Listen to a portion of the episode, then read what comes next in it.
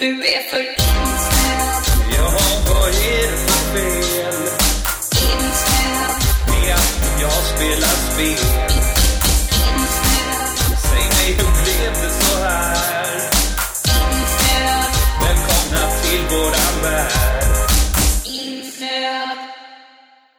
Hej och välkomna till avsnitt 4 av Insnöad. Jag som pratar heter Nor Aner och med mig har jag min ständige vapendragare David Sandberg. Yes. Jag tänkte att jag drar igenom lite kort vad vi ska prata om i dagens avsnitt. Vi kommer att börja med att prata om lite vad vi har snöat in på sen sist. Och då har vi delat upp det i tre avdelningar. Vi börjar med att prata lite om brädspel och kortspel som vi har spelat sen sist.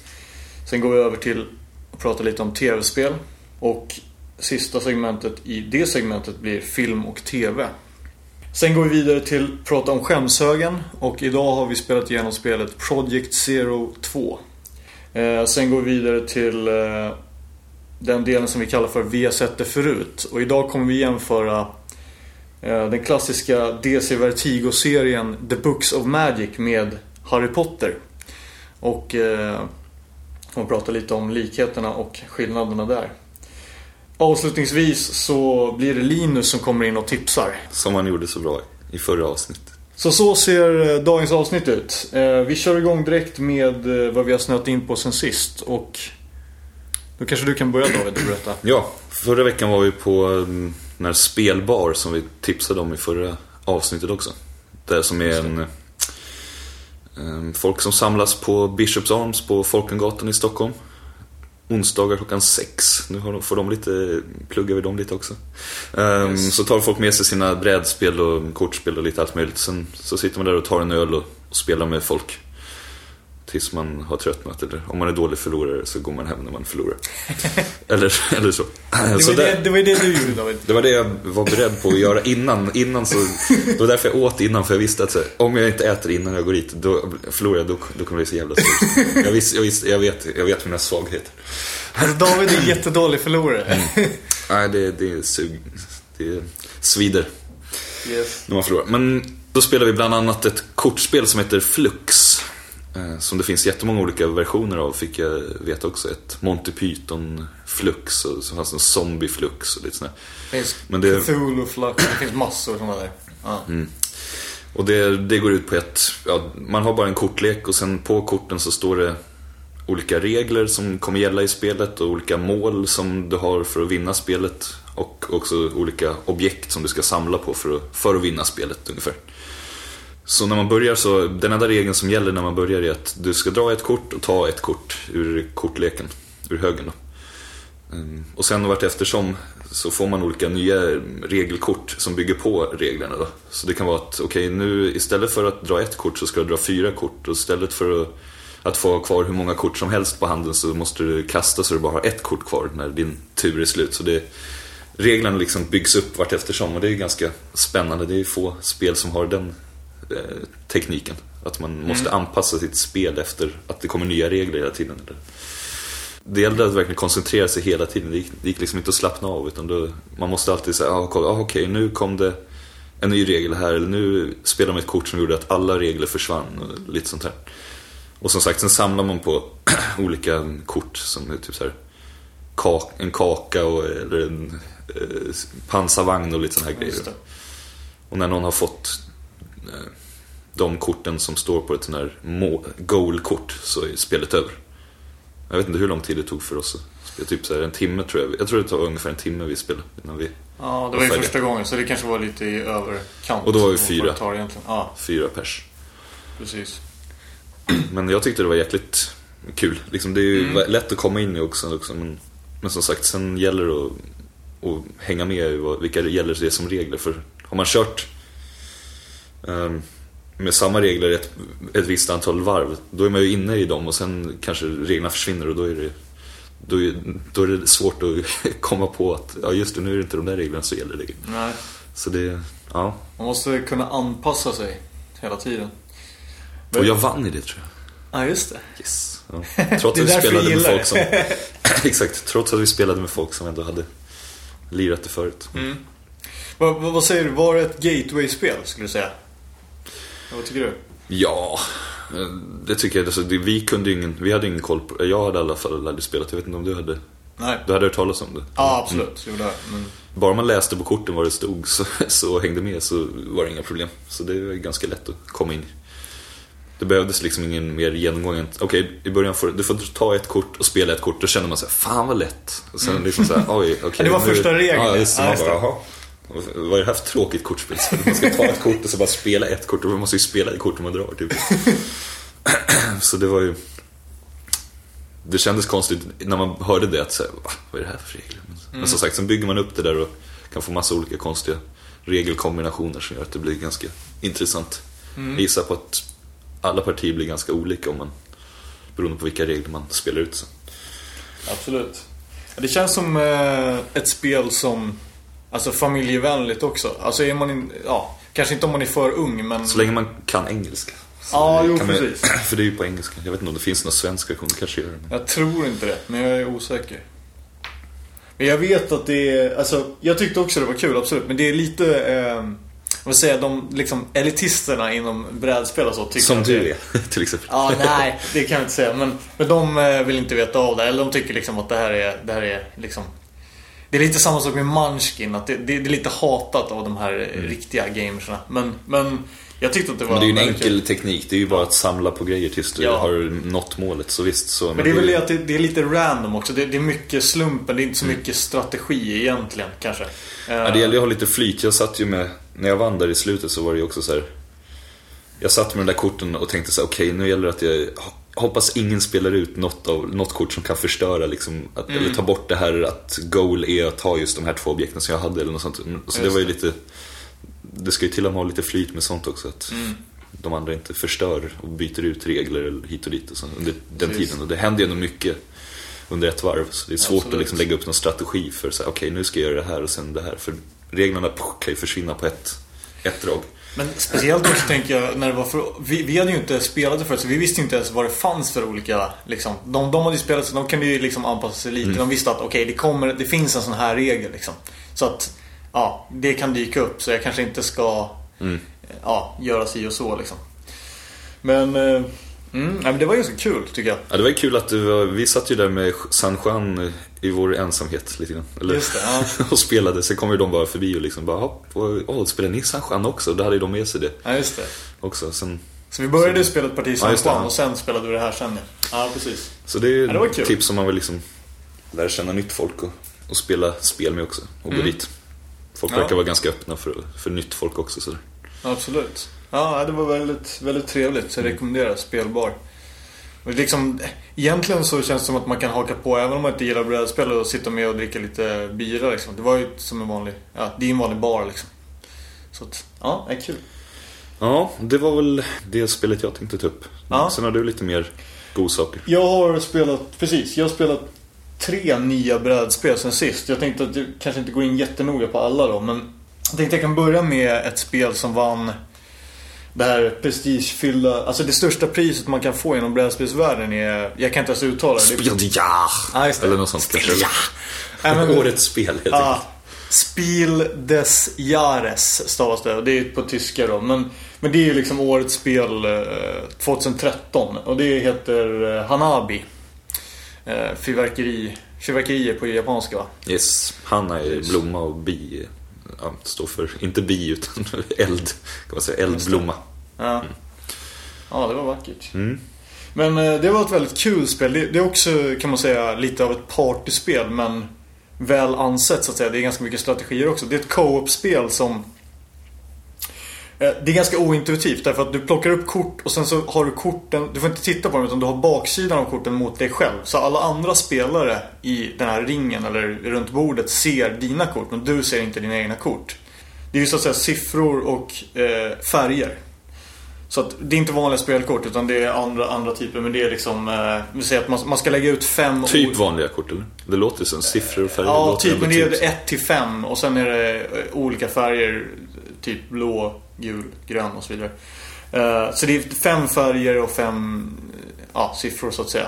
Och, men det finns olika många av dem. Till exempel fem finns det ett, ett av varje färg och typ eh, säg fyror finns det kanske tre av varje färg så att säga. Det finns tre treor, tre gula treor.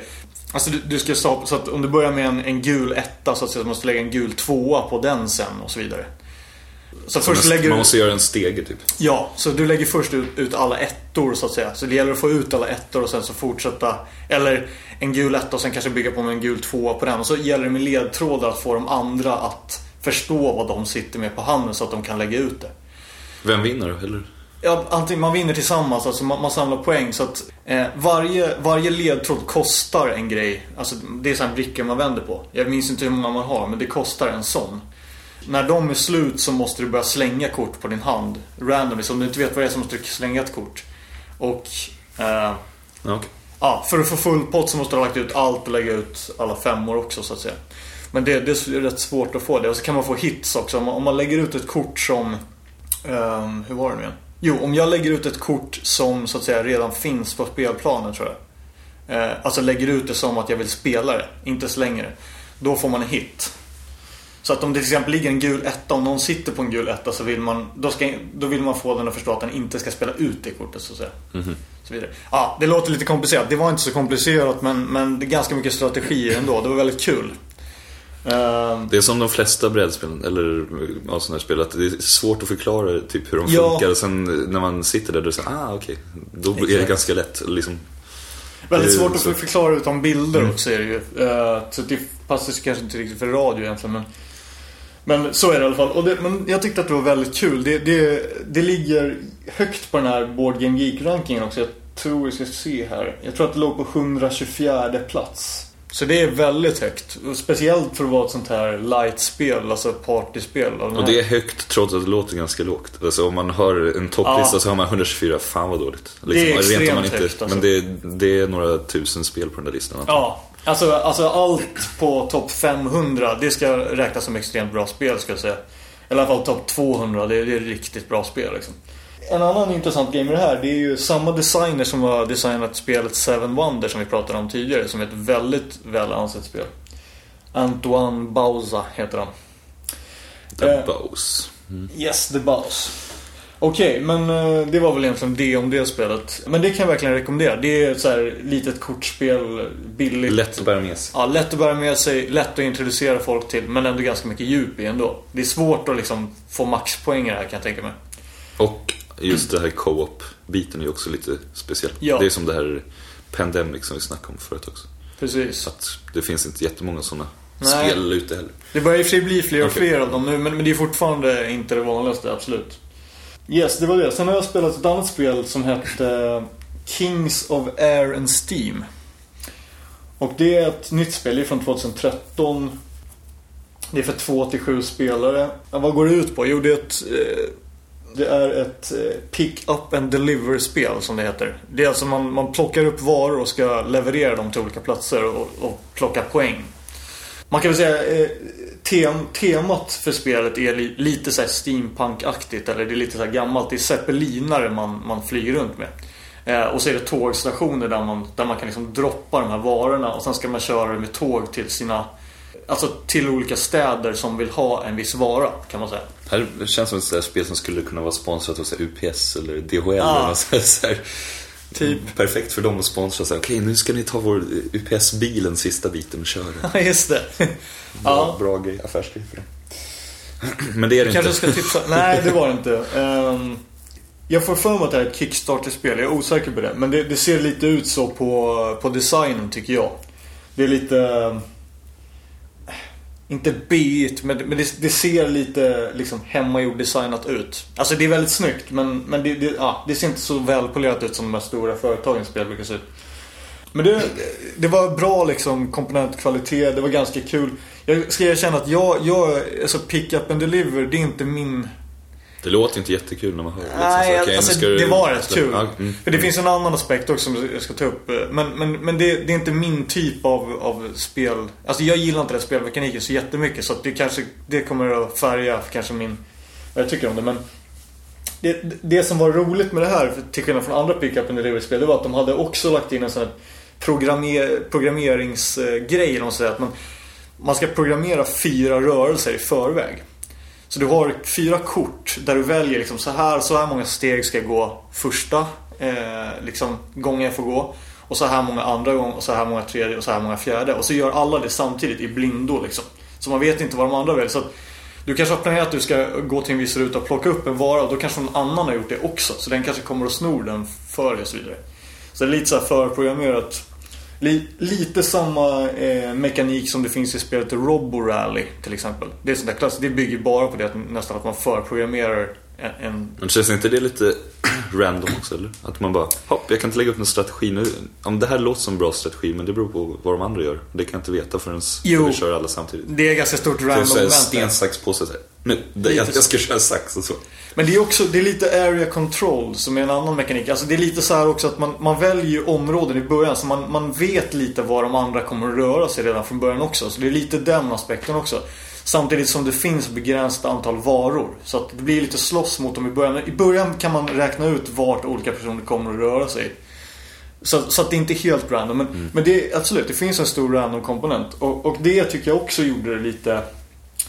Inte lika attraktivt för mig. Men alltså jag kan tänka mig att många tycker att det här är kul ändå. Det var ett väldesignat spel ändå tycker jag. Men Vad ligger det på rankingen? ja, på Board Game Geek så ligger det på ranking... Eller rankingplats nummer 908. Så det ligger... Det var inte högt, eller? Det är väl inte jättehögt kan man inte säga. Men det, det är också väldigt nytt. Det kom ju ut 2013. Så spel har en tendens att, att klättra uppåt om de är bra så att säga. Ja, det För det är ju fler som, som rankar desto högre klättrar så. Samtidigt som det också finns den här aspekten att om det är ett helt nytt spel så brukar det oftast ligga högre. Så är det på IMDB också ofta ju. Jag kan tänka mig att det här kanske kommer klättra högre också. Men var inte mitt favorit. Rekommenderar du om, liksom, är det... Om man gillar det här, det här pick up and deliver mekaniken så, så, så tycker jag... Men det här är och för sig ett av de få sådana spel jag har spelat så jag kan inte riktigt uttala mig faktiskt. Men jag tycker att det var, det var ett kul spel. Absolut. Men egentligen kanske inget för mig. Jag går in på det tredje spelet som jag har spelat. Det är ett spel som heter Agents of Smursh. Som är från 2012. Ja, Det är ett jätteskönt Skön titel. namn. Fan, Ja. Vad är en smurch? Eller smurch? Jag vet Eller vad- inte. Jag tror att det är den organisationen, agentorganisationen. Eh, Jag blir inte riktigt på det klara med det. Eh, Men det är likt ett annat klassiskt spel som heter Tales of the Arabian Nights. Och man kan säga att det är lite nästan en kombo mellan rollspel och brädspel. Alltså det, det bygger mycket på historieberättande. Det är historie, det- historien som berättas som är det viktigaste i spelet. Och man ska inte ta det här spelet på så stort allvar. Alltså det är ganska random, det är mycket tärningsslag eh, som avgör om man lyckas med olika saker och så. Men det, det är just det här, den roliga historien som utvecklar sig som är det, ja, det viktiga med spelet så att säga. Och det är ett co-op-spel också det här. Man jobbar tillsammans eh, som agenter och man, man jobbar mot, nu kommer jag inte ihåg vad han heter, men det är någon ond. Smurge. Nej, vad hette han? Doktor någonting. Det var någon doktor. Det är alltid någon doktor med mustasch. det är det ju alltid. Ja, men han har mustasch också och eh, grått hår som står uppåt. Han ser väldigt ond ut. Har han det också? Ja, det man riktigt? ser här på bilden här. Oj. Nej, han kanske inte hade mustasch. Ja, han är ond i alla fall. Det här ligger på rank, eh, ranking eh, plats nummer 756 på Board Game Geek. Men det jag kan säga, det, som var roligt med var just det här historieberättandet. Det var ganska crazy. Men det är lite så här agent... Lite så här, no- eh, liksom James Bond-aktigt. Lite ryssarna är onda. Så ragga upp tjejer i en bar, typ. Ja men lite så också. Men det är, så, och lite random encounters med olika andra... Alltså det är lite så här onda agenter eller onda bossar som man ska liksom spöa och sånt där för att få... Och det är lite Hur som... funkar stridssystemet då? Liksom, är det tärningar man slår eller är det... Ja, det är tärningar. Det är inte penna papper på den, alltså inte på rollspel på det sättet. Nej. så- Däremot har du olika så att säga förmågor som du kan, som du kan uppgradera och så. Du kan vara bra på till exempel lockpicking till exempel. Den, den färdigheten kan du liksom bli bättre på och om du är bättre på den så får du slå fler tärningar. Så har du två i den så får du kanske slå två plus en tärning eller något. Det beror på vad det är för encounter liksom. Så att eh, det går att liksom uppgradera sina gubbar och det går att... Så att är du skitdålig på något så, så minskar. Eh, alltså, minskar sannolikheten att du lyckas med någonting. Så.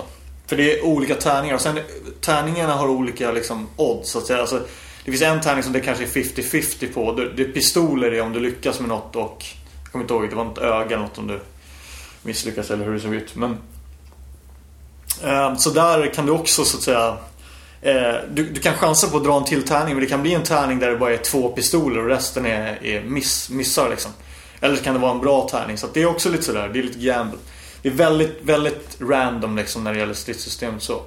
Men man kan levla sin gubbe som du sa. Precis, man kan levla sin gubbe så då ökar man ju sannolikheten. Men det är inte, så- man har inte så mycket tid på sig. Det är lite den här pandemic-grejen att den onda så att säga Istället för att det är eh, så här Dr. Smurge. Vi kan kalla honom Dr. Ja, Smurge. Dr. Smurge. Smurge. Han, Exakt. Han, han dödar dig efter ett visst antal drag typ. Ja, typ. Alltså han blir ju bättre. Det beror också på lite vad du får för kort och, och sådana där saker också. Hur, hur han levlar. Men det gäller att hålla koll på hans, han har en sån här track liksom hur han ligger till. Och ju mer han får på den desto mer måste du ha av andra saker. Man, man samlar såna här investigate, investigation counters.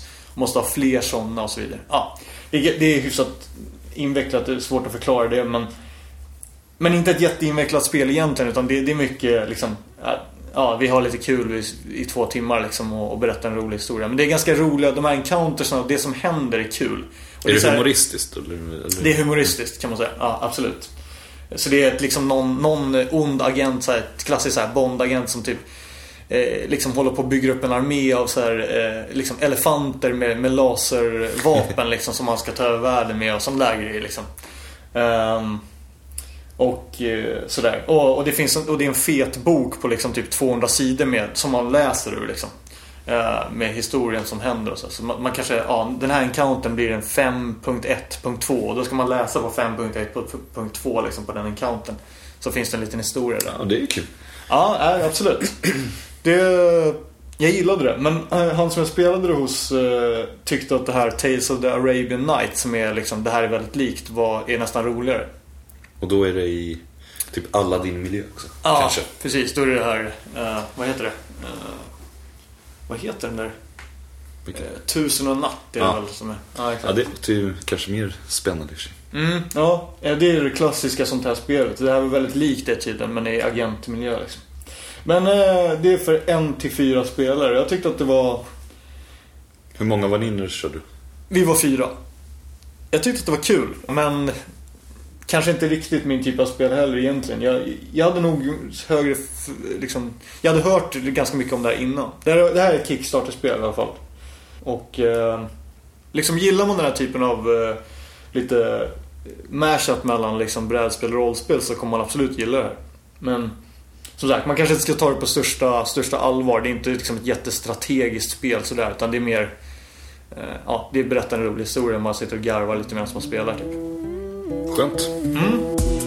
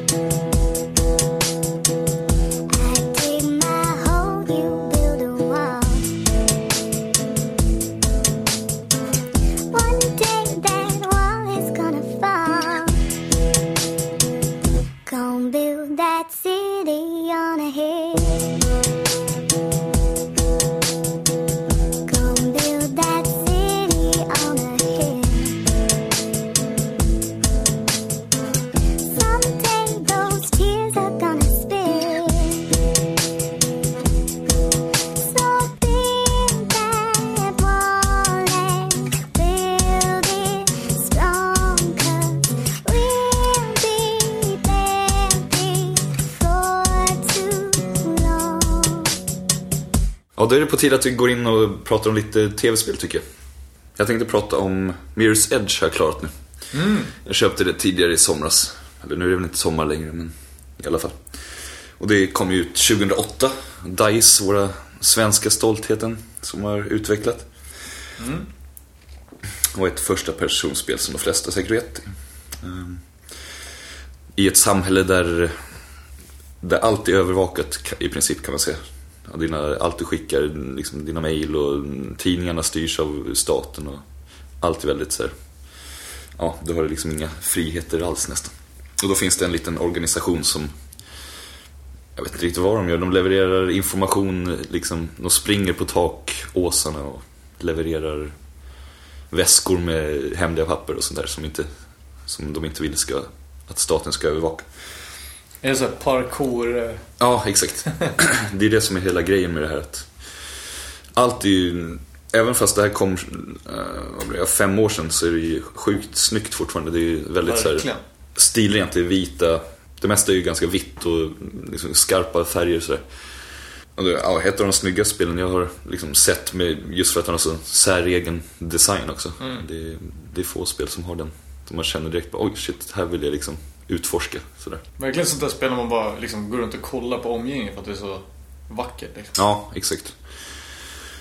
Ja, och som sagt, sen är det ju så här parkour så du ska liksom lära dig i introt så lär du dig liksom hur, hur springer jag på väggar, hur hoppar jag liksom från vägg till vägg och hur glider jag under sådana här rör som finns utplacerade lite överallt. Och, och mycket sånt, så det är ju en, det är mycket springande. Man spelar som den här Faith, som hon heter. Hon, med en liten tatuering under ögat och så ska jag springa runt och, och leverera grejer. Det, mm, historien tar väl fart när hennes syrra blir anklagad för att ha mördat en som ska ställa upp i, jag vet inte om det är borgmästarval eller presidentvalet så där. Och sen, så hon blir liksom framad, eller vad man säger. Eh, Hennes syrra. Och då måste hon försöka se till att, ja, att det löser sig för henne. Ja, och sen springer man runt på de här olika banorna och kastar sig handlöst eh, fram och tillbaka och hoppar från tak till tak. Och det är här som det blir... Så om man lyckas göra de här grejerna så är det väldigt tillfredsställande. Men ofta är det ju att man mycket trial and error. Du testar och hoppar. Okej, kan jag hoppa hit? Nej, det gick inte. Så börjar du ladda om och sen testar du ett nytt hopp och så funkar det inte. Och eh, det kan bli lite tjatigt i längden när man springer och gör kanske 10-15 eller ja, kanske fler försök på ett ställe. Du vet vart du ska men det är liksom, du kanske missar med några millimeter eller så. Och just det man ser i första personsvyn gör ju också att det blir svårare att bedöma avstånd. Det är ju lättare om du hade sett en gubbe liksom när han springer ut på en planka du ska hoppa ifrån. Liksom. Ja, Då ser du ju exakt, men här blir det lite... Kan det bli lite, ställa till det lite. Men när man verkligen sätter såna grejer, då känns det riktigt bra. Liksom, när man får upp, Mm. fa, får upp tempot och man hör ju hon liksom flåsar när de springer och sådär. Sen när man lyckas med de grejerna man, ja, det man ska göra, då, då känns det bra. Sen finns det också sån här speedrun. Varje bana kan du köra om och liksom få försöka bättra dina tider och sånt. Så det Mm. passar ju väldigt bra på som sånt spel. Det är väl lite sådär klass, som de klassiska, alltså back in the days, 8-bitspelen och sådär. Inte så långt men så att säga, eh, man måste, Mm. mycket trial and error och Ja, Alltså på, på gott och ont liksom. Ja, precis. Jo, men att det belönar sig sådär att man, man blir väldigt glad när man till slut klarar en svår grej liksom. Ja, helt klart. Ja, det är ju inte så långt alltså. där. Jag vet inte vad... Räknar man bort sina, alla gånger man ramlar ner och dör liksom, så jag vet inte vad det kan ta, så här fem, fem Mm. timmar, fyra, fem timmar kanske. Eller något sånt. Men det, ja, om man, har man inte testat det tycker jag verkligen man ska, man ska göra det. För det är annorlunda. Det är sällan det att du spelar just i första persons vy och ändå kan göra sådana akrobatiska rörelser. Så de flesta FPSen är ju ganska Ja, nu för tiden är det ju så jäkla mycket här strids eller krigs, eh, liksom. Den typen av FPS och just Och här har man inget vapen heller från början utan du, har ju, du kan bara springa och liksom Du kan ju sno vapen från fiender som kommer och så och använda men Men man kan väl så sparka och slå och så? Ja det kan man göra Men du har ju inga automatvapen eller, eller sånt med dig Och um, ibland, man vill, ibland vill man liksom kunna göra allting utan att behöva liksom, slå ner några fiender. Men det är svårt och vissa, på vissa ställen ser det verkligen som att eh, som att man måste göra det. Och det är lite synd tycker jag. Det hade varit skönare om liksom, du kunde välja att säga okej men nu ska jag bara, vill jag bara springa och försöka ta mig förbi. Ibland, eh, någon gång lyckades jag men då, då blev man liksom så, "Ö, ö", skjuten i ryggen typ när man klättrar upp för ett stup eller så. Och det känns inte, riktigt så, inte så smidigt riktigt. Eller så är det bara att, man är, att jag är dålig på det. Men det kändes som ibland det för sp- la spelet upp det så att du måste slåss mot de här fienderna. Det gick liksom inte att bara springa ifrån dem eller så. Och jag hade gillat att det, ja, det hade varit kul om de liksom bara körde mm, kompromisslöst på den banan. För det hade varit intressant att se. Men vi får väl se, det kommer ju en tvåa. Mm. En tvåa är ju under utveckling så Yes. får vi se. Men eh, helt klart tycker jag man ska spela igenom det, eller i alla fall testa det för det Som sagt, det är, det är kul. Det är, det är roligt när man Och just de här speedrun-banorna också, och försöka slå sina egna tider, tycker jag är ganska, ganska skoj. En nackdel med det är att det tar ganska lång tid att ladda om banan om du liksom Om du märker att okej, nu har jag för dålig tid, nu vill jag starta om den, då tar det ändå en stund att restarta banan. Okej. Och just speedruns, då vill man ju kunna Om du vet att, äh, fan jag missade den här grejen, nu vill jag starta om så vill du liksom att det går jävligt fort. Ja, det är klart. Så det, det gör ju att man inte blir lika benägen att, vilja fortsätta testa. Men även trots den här trial and error som kan bli lite uttjatad så är det väldigt var det spännande. Annorlunda upplevelse. En fråga bara. V- vad tycker du om eh, karaktärsdesignen på huvudkaraktären där? Menar du liksom estetiskt eller just hur hon är? Allmänt, Faith bara, karaktären. För det, Nej, Jag tycker den var jättetuff. ja. Alltså det är ju cutscenes, typ tecknade cutscenes mellan de här olika, olika kapitlerna. Mm. eh, som driver storyn framåt och sådär. Och hon är ju badass liksom. Och så Mm. så jag, jag tycker det är, det är kul med, med en eh, sån karaktär som är ganska så här, hård ändå liksom. Ja. Jag, jag håller med, jag tycker så också. Jag, jag, jag brukar ju, eller det känns som att jag ofta ger liksom, skit eh, åt så här, amerikansk design och sådär på karaktärer. Så de som känner mig vet att jag, ja, jag är lite hård mot, mot sådana så, äh, västerländsk design så att säga. Men, men här kan jag verkligen säga att den här karaktären tycker jag är grym. Det känns som en väldigt så här, ikonisk karaktär. Verkligen en, en spelkaraktär som, som, som eh, liksom utmärker sig, som är lite speciell, som man kommer komma ihåg liksom som kommer stå där bredvid Mario och Sonic liksom om, om 15 år kanske och fortfarande eh, liksom bra, väldigt väldesignad. Ja men hon ser ju liksom annorlunda ut också just att hon har den här Hon har en liten, ja som sagt en tatuering precis Mm. under ögat som med några spikes eller någonting. Jag vet inte vad man ska, hur man ska förklara. Så man ser ju direkt när det är liksom att det är hon, det är ingen ja, Det är ingen så generisk Nej. kvinnokaraktär utan det är, Precis. hon har liksom karaktär. Hon är verkligen cool och cool dräkt och sådär också. Cool med lite sån här färg, samma färgskala som spelet går i nästan. Men bara så här snabbt liksom jämför liksom designen på henne med designen på den här personen i, i nya Bionic Commando. Alltså inte Rearmed utan det där, det som kom till Ja, Xbox. han med dreadlocks. Ja, alltså nu, nu, nu är det doktorkritik här igen men, men liksom den karaktären kommer ju ingen minnas om tio år. Nej. Är, min föreställelse. Den här karaktären kommer folk definitivt att minnas. Det är, det är en bra karaktärsdesign. Tycker jag. Nej, ett tips. Kul att det är en kvinnlig karaktär också. Faktiskt. Ja, jo, exakt. Det är ju det är alltid uppfriskande i den här mansdominerade. FPS-genren. Speciellt. Ja, Ja, hade du något tv-spel också eller? absolut. Jag kan ta... Jag har klarat eh, nu till slut det här Uncharted 2 som jag började på. Jag lovade ju Linus att jag skulle ge den lite mer fair Chans. liksom. Ja, liten schysstare genomgången och så. Jag tänkte hålla det här kort ändå för att eh, vi har ju snackat om det här tidigare. Men jag kan väl säga så här, nu, nu har jag klarat det och överlag, jag tyckte att det var, det var ett väldigt kul spel. Och det är väl det jag tycker bäst om det här spelet, det är kul att spela. Nummer två som jag gillar jättemycket, det är fantastiskt snyggt. Alltså, det kanske är mer det jag kommer komma ihåg eh, det för än att det är... Alltså många säger att det är så här, ja det är som Linus sa, det här är den här generationens ett av de bästa spelen. Jag vet inte om jag kommer, att minnas det så, men jag kommer minnas det som definitivt ett av de snyggaste. För att det var väldigt eh, häftigt liksom att klättra på kugghjul liksom eh, några hundra meter upp liksom eh, från men det, sådana där grejer, bara hoppa runt på jättehögt upp och, och allting var jättesnyggt och Ja, eh, det, det gillade jag. Så jag tyckte verkligen, det var många ställen här jag bara stannade upp och gick tillbaka och kollade på miljöerna och sånt också. Det är ju ett ställe när man kommer upp i Kommer upp i Nepal i den här lilla byn eller? Just Som det. är hur liksom Så Den jävla mycket detaljer överallt. Ja, liksom. Man bara okej, nu ska jag gå omkring här. Man bara shit. Det är liksom... Och, och det det, det, där kunde jag tycka, för där blev jag lite irriterad. För där var det så att man skulle följa den här snubben. Och man, I och för sig tror jag man kunde stanna och då stannade han. Men där ville jag bara liksom gå och kolla på allting. Eh, Stanna mycket längre. För det, det var ju skitdetaljerat och det var bara så här man bara gick igenom typ. Det är ju lite problem med spel i- överlag. Liksom, att det läggs ner så jäkla mycket tid på att göra så här snygga miljöer. Sen ska du liksom springa igenom det. Man bara. Mm. Precis. Det är Ja, det- som eh, Ba- nya Bioshock har fått kritik för också. Liksom, att man vill, man, den här stan är så jäkla liksom, Man vill verkligen utforska Mm. stan men det kan man inte för att man ska, måste liksom springa vidare eller så här slåss och så här, inte kan liksom ta en sekund och insupa atmosfären. Liksom. Det funkar Mm. inte riktigt. Det är många spel som tyvärr är så. Liksom. Ja, man skulle ja. bara vilja kunna gå omkring i lugn och ro utan att behöva liksom vara rädd för att det kommer någon fiende ibland. Verkligen. Och det känns ju som att det, det är taskigt liksom mot de som har löst, Alltså utvecklarna som liksom lagt ner så mycket tid på det och så ska man typ springa igenom det på tre sekunder när de har lagt liksom Ja, oändligt visst. antal timmar på det där. Eller ja, jag vet inte hur lång tid det tar att göra i och för sig men Alltså Och det fantastiskt. tar oändligt antal Ja. timmar. Det- det. Är det de har. Precis. Ja. Nej men eh, fantastiskt snyggt spel och, och jättekul att spela. Jag tycker, och, och jag är så här.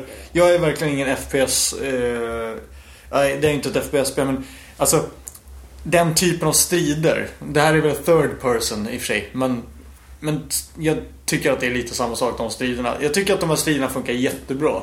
Folk som är riktiga FPS-nördar tycker säkert att kontrollen är lite dålig och så vidare. Det har ju fått kritik för det. Men jag tycker det funkar, det funkar alldeles utmärkt. Eh, i, I den här liksom inramningen. Så att eh, alla delarna är liksom bra. Men jag vet inte, jag, jag tror fortfarande inte det är 10 av 10 spel för mig. Men, men det är bra nära alltså. Definitivt. Nej, väldigt kul att spela. Jag vet inte om jag ska säga så mycket mer om det. Jo, det var det här jag tänkte säga. Det som är den skillnaden kan jag tycka. Det, det som gör fortfarande att jag inte ger en tia liksom. Det är att det är fortfarande generiskt. Det, det känns som att du spelar som sagt, du spelar en amerikansk actionfilm. En action, amerikansk actionfilm, jag har inget emot det. Det är asnice att slå ihjäl två timmar med en grym actionfilm. Men det, det känns lite ytligt. Alltså det var just det där också. Linus pratade ju om att han, eh, till exempel, att han verkligen brydde sig om karaktären i det här spelet. Jag kände, det kände jag inte. Det var det. Alltså det jag brydde mig inte ett skit om karaktärerna, ärligt talat. Och, och historien som byggdes upp. Jag tyckte inte att det var... Alltså det var inte det som var bra med spelet. Nej, tyckte det- jag. Nej, det... Däremot så var det askul att spela. Det var riktigt bra mekaniskt.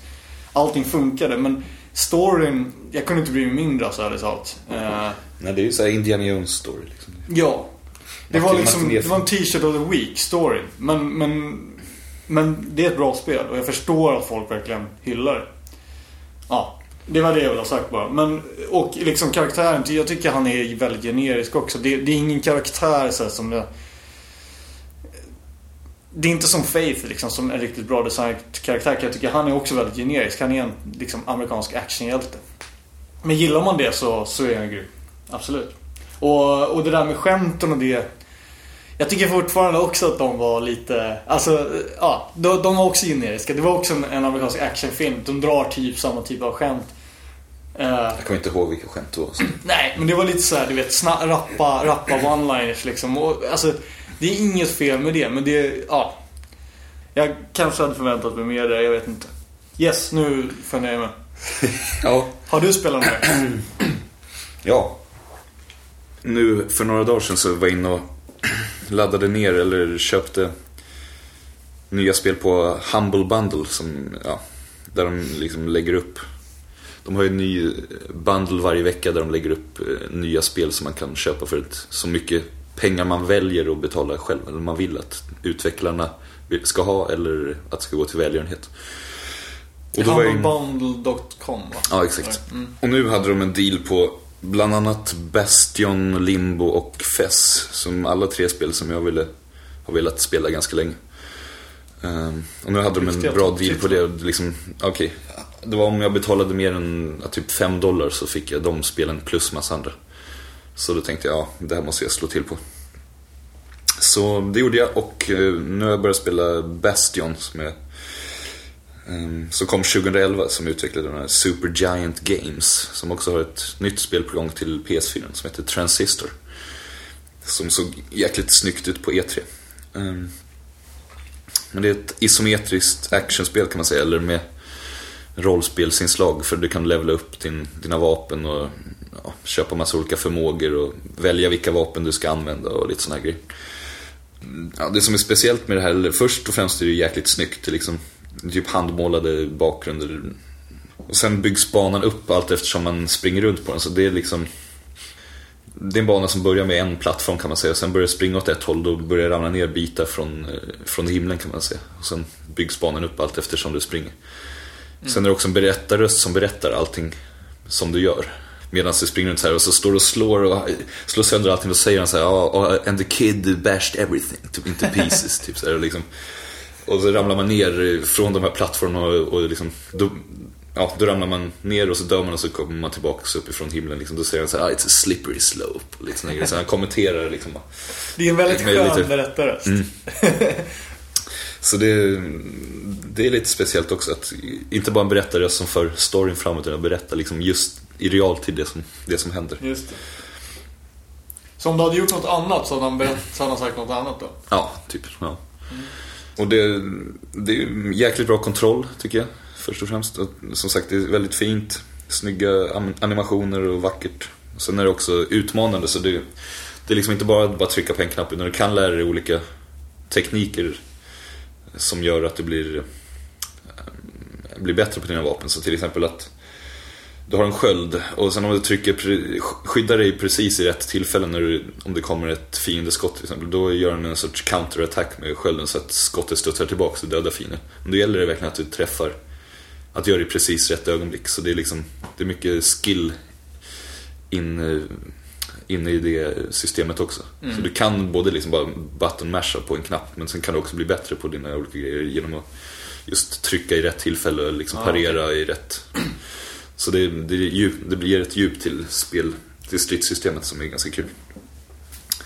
Då har man också såna här tutorialbanor där man kan där du blir utmanad och kan få här, olika pris beroende på hur snabbt du utför dem eller hur många hur många fiender du slår ner inom en viss tid med det här vapnet och sådär. Och då måste du också lära dig exakt att trycka i rätt tillfälle för att du ska lyckas med de här Ja, utmaningarna. Liksom. Så det går att liksom få mer djup i, i stridssystemet liksom, om man verkligen Ja, exakt. Det, är, som sagt, det ser enkelt ut från början men sen finns det, går det att lära sig och bli bättre rent tekniskt med dem också. Och sen är det skön musik, så lite sånger ibland, lite körer och stämningsfullt sådär.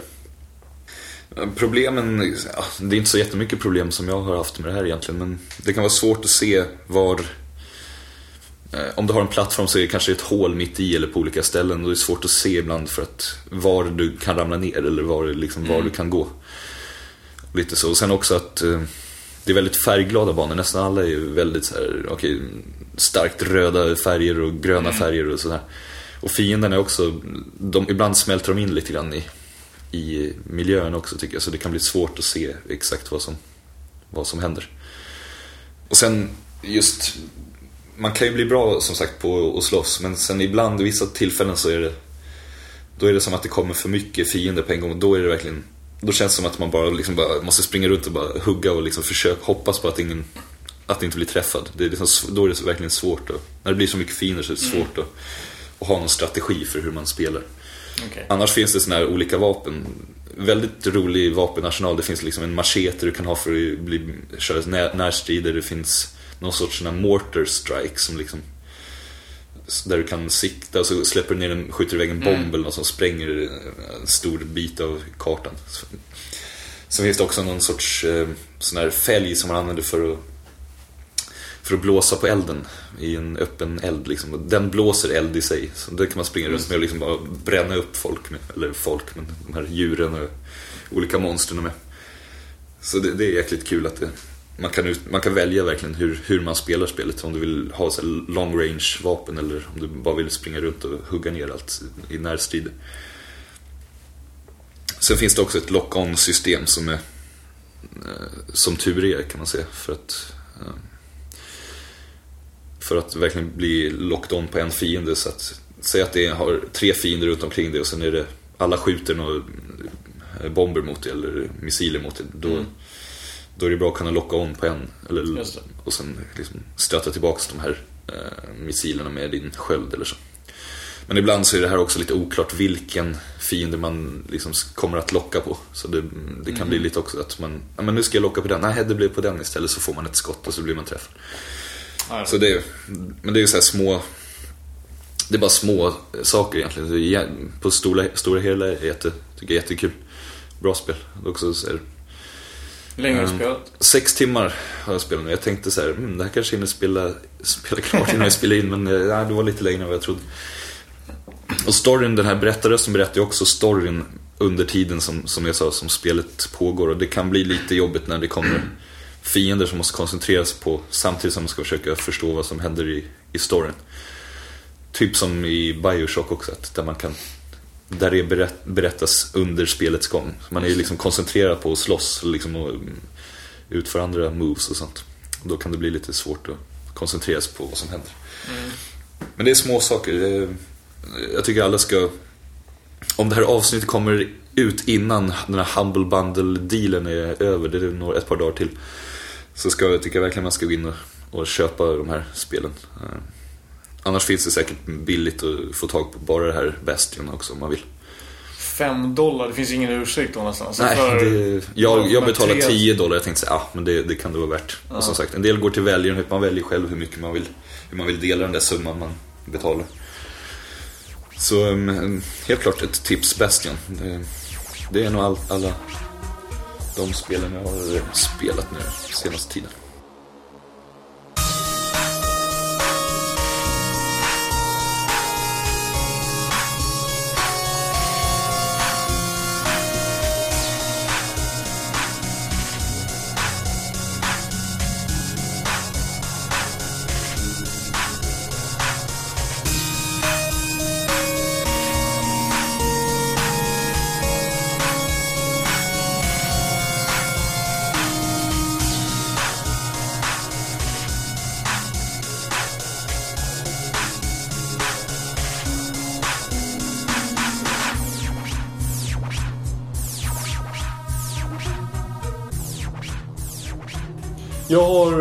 Till som jag skulle vilja prata om lite snabbt. Det är nämligen så att jag har påbörjat... Alltså mitt nästa spel som ligger på min skämshög som jag tänkte beta av är Shadows of the Damned. Eh, jag kanske har spelat, vad kan det vara? Ja, tre timmar kanske. Kanske lite mer. Alltså man kan säga så här, det är väl en, en perfekt kombo av designers. Eller ja, det, det är Suda 51, eh, det är Shinji Mikami och det är Akira Yamaoka som står för musiken. Alltså tre av mina egentligen favoriter inom eh, den moderna spel. Ja, både när det gäller design och, och andra saker. Men Det är lite Resident Evil, lite Silent Hill och lite No More Heroes, Killer 7 ja, Mix. Eller alltså rent, om man tänker på de gubbarna ihop. Om man Det- lägger dem i en gryta så blir det typ, det är ju bland de, bland de spelen Verkligen. de Det, gjort liksom. det, är en ganska bra, det är en ganska bra beskrivning av det här spelet faktiskt. Det, det är som att slänga ner de tre serierna i princip i en, i en gryta och röra om lite grann. Eh, man kan väl säga att jag, jag tycker att man ser, man ser mycket likheter mellan till exempel de olika Resident Evil. Man, man, ser, man ser Shinji Mikamis prägling på det. Framförallt tycker jag man ser Sudas prägling. Men, men också alltså spelmekaniskt så är det, är mycket Resident Evil-aktigt liksom i det mekaniska.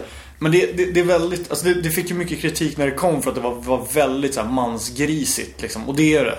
Det är Suda Verkligen. style. Ja, typ. Suda Style Deluxe. Det är verkligen...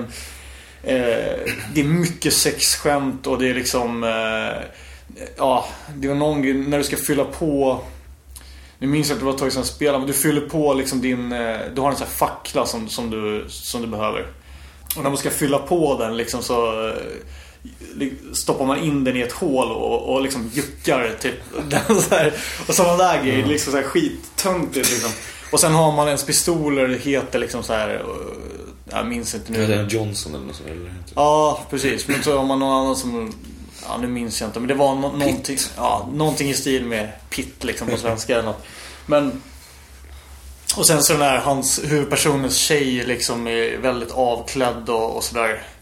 När man får se henne i mellansekvenser. Så det är, ja, det är mansgrisigt det är det. Men det är fortfarande jäkligt bra. Jag gillar det här. Det, det är liksom... Man, jag tror att beskrev det som att det, det är ungefär som Tarantino, Quentin Tarantino skulle göra ett tv-spel. Då skulle det se ut på, det- på det här sättet ungefär. Är det blodigt också? Eller?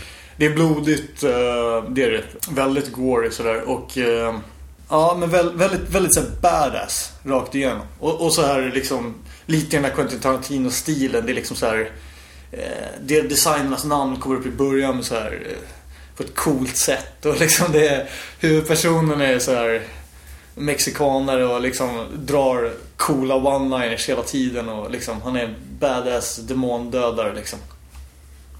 Det är framförallt liksom stilen jag gillar. Det är Sudas liksom prägling mm, som är, som är kanske det som är det bästa med spelet egentligen. Musiken och det andra är bra också men alltså, själva spelandet kanske inte är top notch liksom.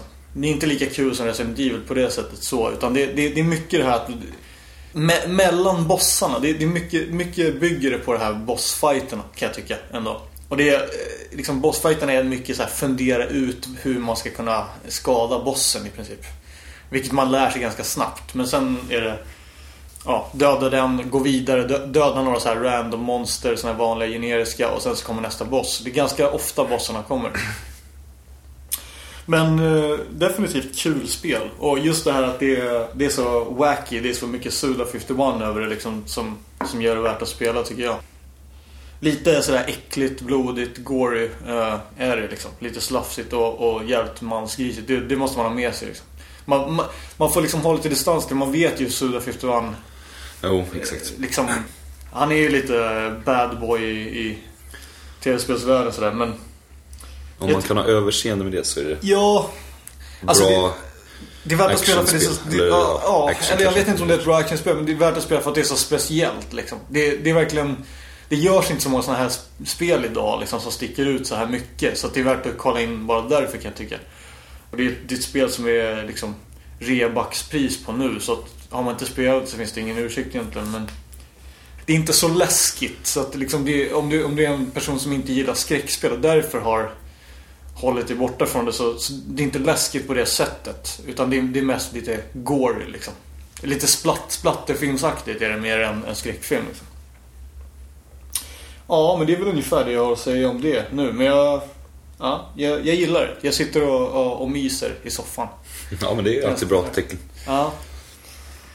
Då gör vi så att vi går vidare till nästa del som är film och TV. Du kanske kan berätta lite vad du har snöat in på där sen sist då David. Ja, jag har ju sett en dokumentärfilm som heter 100 Yen, The Japanese Arcade Experience. Ja, Som handlar om, förstås, den japanska arkadkulturen. Och de börjar liksom med berätta om eh, ja, hur Space Invaders, hur det tog över. Det var ju då liksom arkadkulturen började utvecklas. Att folk började spela digitala spel och inte bara såna här pachinko-spel och mm, grejer i Japan. Så det började med, street, med Space Invaders och sen går de vidare till hur Street Fighter... Först var det ju mest såna här rymdspel, olika shoot em ups. Men sen när Street Fighter kom då blev det ju en helt fighting-spelskulturen kom in i arkadhallarna då liksom. Och just det att man kunde spela mot varandra blev ju en väldigt stor grej. För de här rymdshootersen är ofta, ja det är väl alltid att man bara spelar, ska undvika så mycket bullet hell som möjligt. Så då går de igenom det. De går de igenom fightingspelen, hur de tog över arkaderna. Och sen också på senare år alla musikspel som har kommit just med Just trummor och dansspel och ja, allt vad det heter. Så då intervjuar de många av, både sådana som är jäkligt duktiga på fightingspel och och de intervjuar folk som äger arkadhallar i Japan. Och liksom hur de har ja, sett det här förändras och, och sådana här spelare som lägger flera, hur mycket pengar som helst just på att bli, bli bra på ett spel eller en sorts spel också. De intervjuar någon, en av dem som höll på med något sånt här eh, rymdshooter shooterspel också. Och lite liksom vad, vad arkadkulturen symboliserar för honom.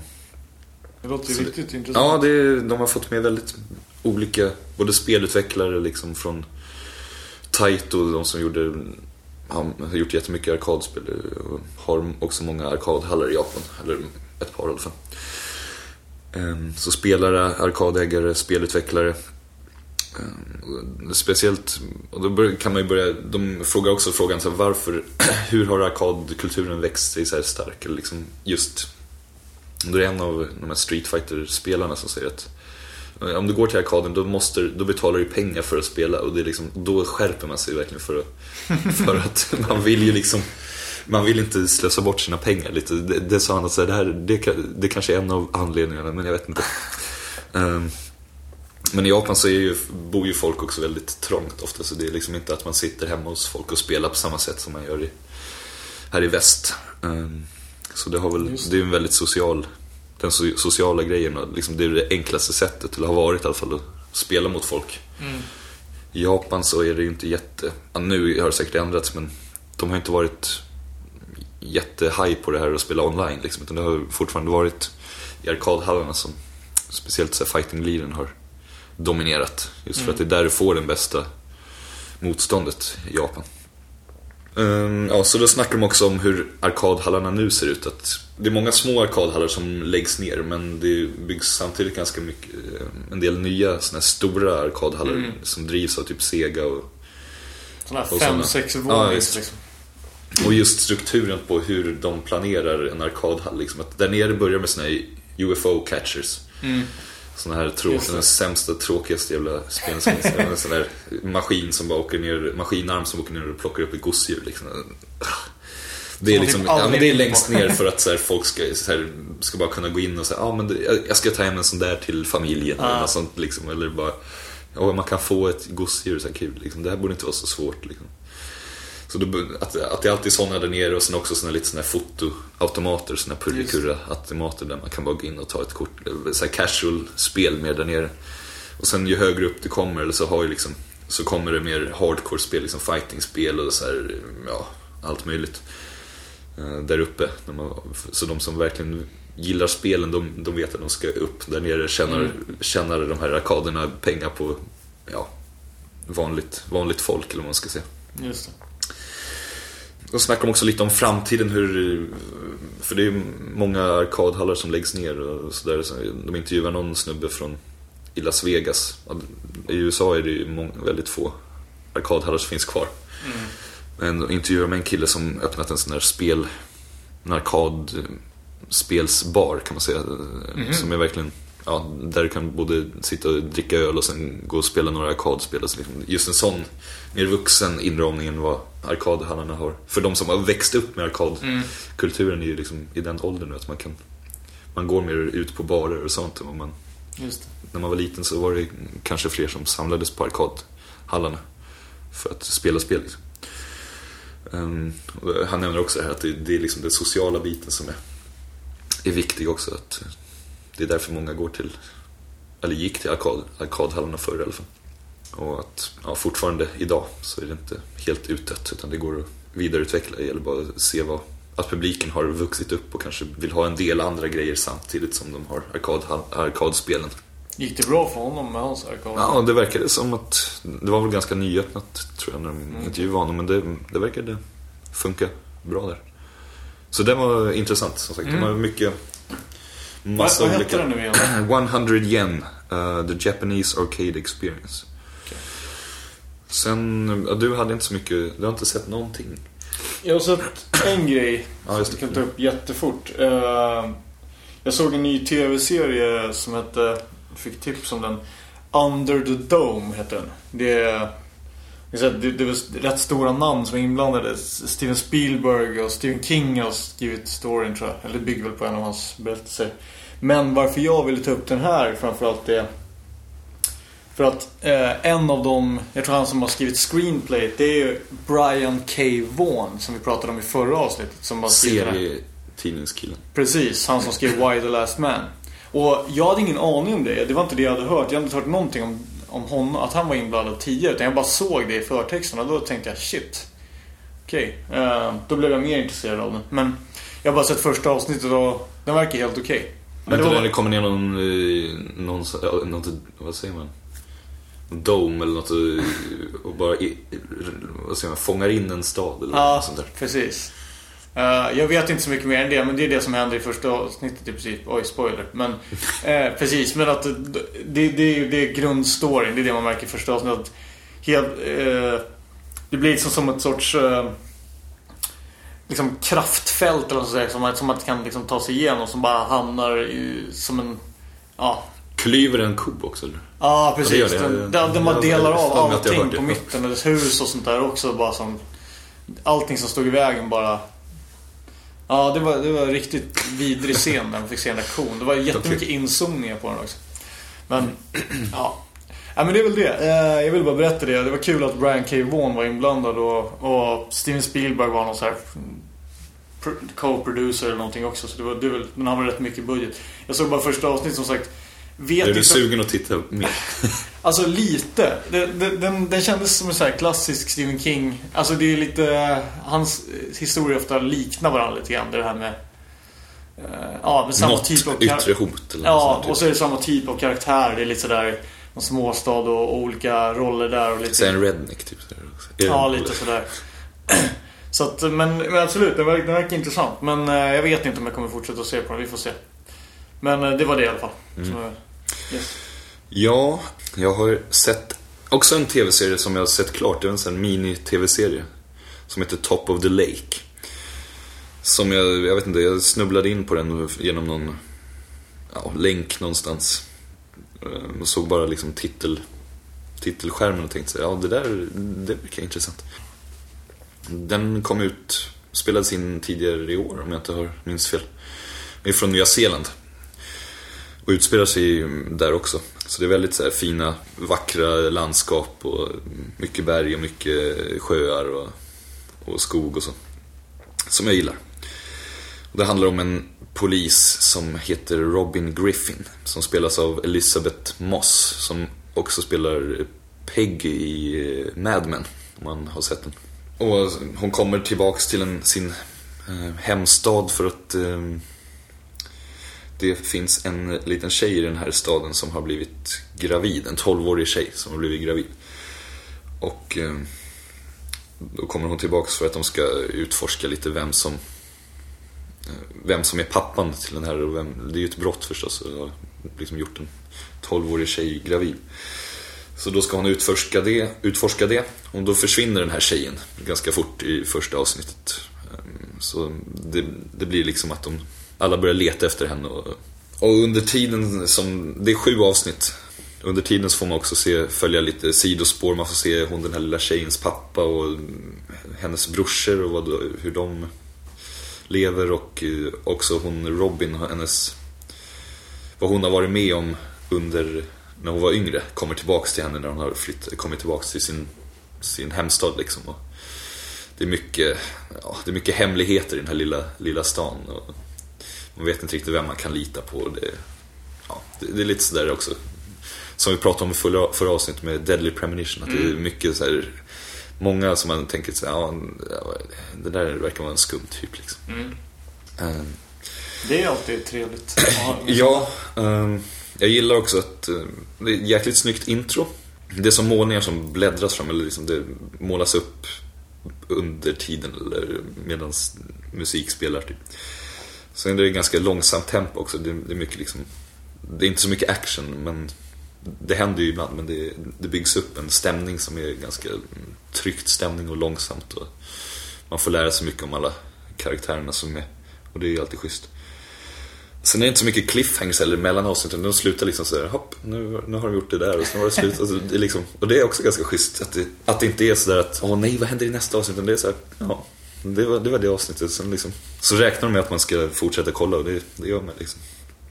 Det känns rätt ovanligt idag. i Ja, dagen. exakt. Sen är det ingenting som riktigt skrivs en på näsan heller. Utan det, man får veta nya saker och kommer ihåg typ så här, något som hände för något avsnitt. Sen, Jaha, det var det de menade. Utan det, det är liksom inte att de, det blir någon sån där du, du, du, du, Att de tänker tillbaks och så här, vad var det nu igen? Det är inget sånt. Det är liksom, man måste man, man får komma ihåg grejer själv. Eller en del sådana här saker. Så det, den kan jag rekommendera. Väldigt Det var en miniserie, va? Ja, det är sju, sju avsnitt Sju och det, de har sagt att det kommer inte göras några fler. Och det är jäkligt, tycker är skönt också att det finns liksom en serie. Så det här är det vi vill berätta. En story vi vill berätta. Mm. Nu är det slut liksom. Vi kommer inte göra en uppföljare liksom. Så. Det är inte Men det är så inte- att pengarna får styra. Så det blir en Nej, det verkar inte så. Det är därför, liksom. Nej. Jag hade aldrig hört talas om det förut och det, jag har inte hört några andra snack om det heller. Så det verkar ju lite sån här indie. Ja, Jag vet inte. Det, det är ju bara, jag tror det bara är nyzeeländska skådisar förutom henne.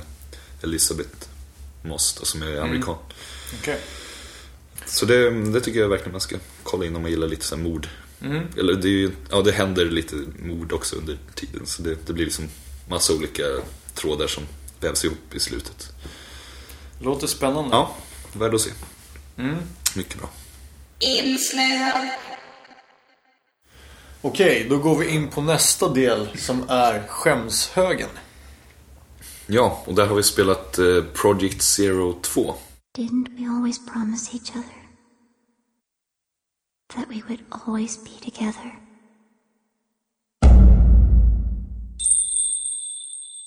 Som kom till eh, PS2 2004. I Europa i alla fall. Och gjort av Tecmo. Det har ju också släppts till Wii. Faktiskt, det är det enda i den serien som har släppts till Wii i Europa i alla fall. Ja, just det. I efterhand. Mm, det är ett survival horror-spel i... Ja, det är så här gammal japansk miljö. Alltså det är mycket så gamla japanska hus med tatami-mattor och dörrar som man drar åt sidan och, och sånt. Det utspelar sig största delen i en sån by liksom där man... Dit man har kommit med... Man spelar som en av två tvillingtjejer. Och man är, båda två är ju med. Eh, Men man styr bara en av dem och den andra följer efter typ. Mest hela tiden. Ja. Förutom när de försvinner och så... Ja. Och Hon låser är in rätt störig och jobbig bara hela tiden. Typ. Ja. Gnäller en massa. Exakt. Men det är, premissen är att i den här byn så har de en sorts offerrit där man offrar ehm, ja, man, man, hit, ja, exakt, man offrar tvillingar och man hittar massa Eh, notes och massa anteckningar om hur den här riten har gått till. Det finns inga levande människor i den här byn längre. Utan det, själva speltekniken eller det som är intressant är själva eh, stridsmekaniken. Man har inga vapen alls, utan man har en kamera som man kan ta kort med. Eh, och det låter ju inte så jätte, jätte liksom, bra, men det enda som finns, de enda fienderna som finns är spöken som kommer. Och den här kameran kan känna av när det kommer nya när det är ett spöke i närheten då börjar ja, kontro- handkontrollen börjar skaka och sen kommer en liten mätare som blir, lyser rött på skärmen. Och då vet man att det är ett spöke i närheten. Och då måste man ta upp kameran för att, och ta kort på dem så att de ska, ska dö. Helt enkelt. Och det som, det är ju väldigt så här, jag tycker stämningen i spelet är riktigt bra. Det är liksom Eftersom spökena ju, kan ju ta sig igenom väggar och så här också lite grann. Inte om du går in i ett visst rum, då, då kommer de inte genom dörrar och så, men de, de uppenbarar sig helt plötsligt och sen kan de försvinna och sen upp, uppenbarar de sig på ett annat ställe i rummet. Så det gäller att liksom hålla, hålla ögonen öppna hela tiden. Mm, ja, stämningen görs också mycket av att det kommer spöken som inte är fiender kan man säga. Utan du ser någon som springer förbi, en liten unge som springer förbi ett sp- barnspöke liksom. Och man bara, åh, vad var det där? Något man ser kanske i ögonvrån och sådär. Mycket ehm, sånt som bygger upp stämningen och saker som ramlar, ramlar ner. Typ ett svärd som står lutad mot en vägg och så, så ramlar det helt plötsligt. bara. Också som skräm, skrämmer för att man är beredd på att man är på helspänn hela tiden. Det, det är mycket, det, det är stämningsskräck. Det är det som är framförallt det läskiga i det här spelet. Alltså, kan jag tycka. Striderna är, alltså det var läskigt lite i början. Man, man blir, alltså, det är det här att man blir överraskad. Men, Ja. men själva striderna i sig, så fort man lär sig mekaniken där så blir de ganska, alltså ganska enkla egentligen. Eller Ja. åtminstone inte så läskiga. Eh, Nej. Kan man säga. Jag, jag ryser alltid till när det kommer ett spöke typ. Då får jag, får jag på riktigt så här rysningar av någon anledning. Men, men sen den här liksom, ta kort-mekaniken också. Att du får göra mer skada om du väntar verkligen tills de har kommit jättenära. Och precis när de ska attackera, då trycker du av. Så det är också liksom, man måste stå där och vänta lite. och Liksom. Det är inte bara att gå och liksom, peppra sönder dem med kort. Utan det, det, då gör det inte så mycket skada. Utan Nej. det gäller att vänta och då blir det också Ja, det, är klart, har man väl sett ett spöke och ser det i kameran då är man ju inte Då är man ju inte rädd för det längre. Det är ju Nej. alltid så med, med skräckspel eller skräckfilm eller allt sånt där. När du väl har sett ett monster eller något sånt Då är det inte lika skrämmande längre. Men, men det är Det är mycket, det är mycket den här, precis, det, är väl mycket den här tryckande stämningen och, och just överraskningsmomentet som, som jag tycker är det som gör spelet väldigt läskigt. Det, det, är ju, det kan man väl lägga till också. att Det är ju allmänt känt som ett av de läskigaste spelserierna. Liksom. Det är många som jag pratat med också. Kanske inte något jättestort antal men, men i alla fall som har sagt att ah, det, det där vågar jag inte spela klart. Eller det där var väldigt läskigt. Och, och det, ja, det är allmänt ansett som, som liksom en väldigt läskig serie. Jag började ju spela det när jag hade köpt det när det kom någon gång men Det blev liksom inte, jag vet inte. Det är ju det här att Jag tycker också att det, vi har ju spelat det ihop liksom. Och Det, det är ganska skönt att kunna bytas av ibland. För man måste Ja. ändå koncentrera sig väldigt mycket på Det blir vad som händer. intensivt Ja, exakt. liksom. Just att det inte finns några andra karaktärer och det är liksom inga sån här... Det är ju alltid ungefär samma... En sån här tryckande stämning som ligger hela tiden. Det är liksom inte att det går upp och så blir det liksom... Så händer något läskigt och sen liksom så blir det solsken och så blir det så här lite så här, ja men sån här sträckor där man kan slappna av. Utan det är ju liksom Nej. samma... På samma nivå hela tiden. Ehm, Men det är verkligen grått och mörkt liksom hela tiden. Ja, det finns i och för sig såna här rum, sparrum där det blir lite Ja. lugn och ro där man kan ja, spara spelet. Just men det är inte... En sån här röd lampa. typ. Ja. Men, ja. Och sen också en annan grej som är ganska kul i det här att om du står still för länge så kommer det spöken som annars inte skulle komma. Just det det. var någon gång man var i ett, i ett rum och så helt plötsligt kom det en sån där en liten unge så här, som uppenbarade sig, två tvillingar som började attackera eller någonting. Man Just bara, Va? Var fan kom de därifrån? Så jag stod Det var ju innan vi visste att det skulle bli så, Ja, eller. Det var ju första gången, ja. Så det är ganska kul att de, de leker med den, Mm, med den me- mekaniken också. Att de känner av det. verkligen. Rent grafiskt så det, tycker jag att det är väldigt... Det är ju mörkt förstås, men det kanske bidrar lite. Men det är ju väldigt snyggt och um, stilrent och... Det är väldigt snyggt för att vara PS2 i alla fall. Det är, många, det är några riktigt snygga så här eh, eh, områden, alltså där det rör sig på olika sätt. Ja, det finns ett ställe där man kommer upp på en kulle och så ser man ut, liksom Mm. vy över hela den här byn. Och då rör sig kameran, eller ja, just kameravinklarna är ganska... Funkar bra på det stället. Mm. Det, man får en vy över byn men samtidigt så är man nära karaktären. Det är lite svårt att förklara. Generellt är det väldigt bra, det är väldigt bra vinklar. Alltså om man säger, det är en del så att säga låsta vinklar sådär man kommer in. Men det är, väl, det är gjort väldigt bra. Alltså det blir, de har gjort det så att det blir extra läskigt liksom hela tiden. De- Det är ju det som är jobbar- fördelen när man har sådana här låsta vinklar. Att Mm. du kan, om du vill göra det läskigt så måste, sätter du en kamera liksom som, riktad mot karaktären. Den kommer springande mot, mot skärmen. Liksom, så du ser inte vad som finns eh, där bakom. Nej, precis. Utan, alltså det är ju det är kul på det. Eller väldigt eh, effektfullt på Mm. det sättet de använder kameravinklar. Jag tänkte på en grej bara när det gäller designen eh, också med det här spelet. Det- är väldigt, om man tänker på karaktärerna, de, är, de, är, de ser ut som japaner. Alltså de är designade som, vilket är ganska ovanligt i spel ändå. Eh, men de, karaktärerna ser väldigt japanska ut. Det finns ett annat skräckspel där det också är så som heter eh, Forbidden Siren heter det i Europa. Siren heter det tror jag i USA. Eh, Där är det samma sak. Att de har verkligen, man ser att de har liksom gjort karaktärerna efter Japan, japanskt Men de har ju ganska utseende. stora ögon och sådär. Alltså det är ju, tycker jag. Eller? Ja, och i och för sig mellanskansen. Okej, det är lite sådär åt manga-hållet nästan. Men jag tycker de ser inte västerländska ut. Nej, Man nej. ser ju att det är japaner som springer omkring. Liksom. Eller de här Mm. flickorna, att de är japanska. Så. Ja, ja, det var väl det. Mm. Nej, det... så stämningen är, har man inget att klaga på, men det är, sen blir det just... Eh, det jobbiga är ju den här backtracking som blir efter ett tag.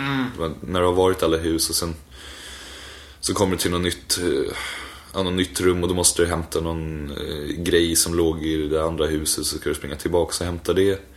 Och då kanske du har varit i det rummet, i det huset och kollar runt så här, "Äh, det fanns inget här. Men sen när du har gått till det här andra rummet och liksom tagit kort på något eller liksom blivit ja, triggat någonting kan man säga. Då, om du, då måste du tillbaka och då, då hittar du grejer. Så det är i samma rum som du nyss var i, där du inte såg något. Och sånt tycker jag är lite jobbigt att du måste liksom Du kan inte hämta det på en gång utan du måste gå till ett ställe och sen kan du gå tillbaks till samma ställe och hämta det. Eh, Så det är lite mycket sånt backtracking eh, framåt.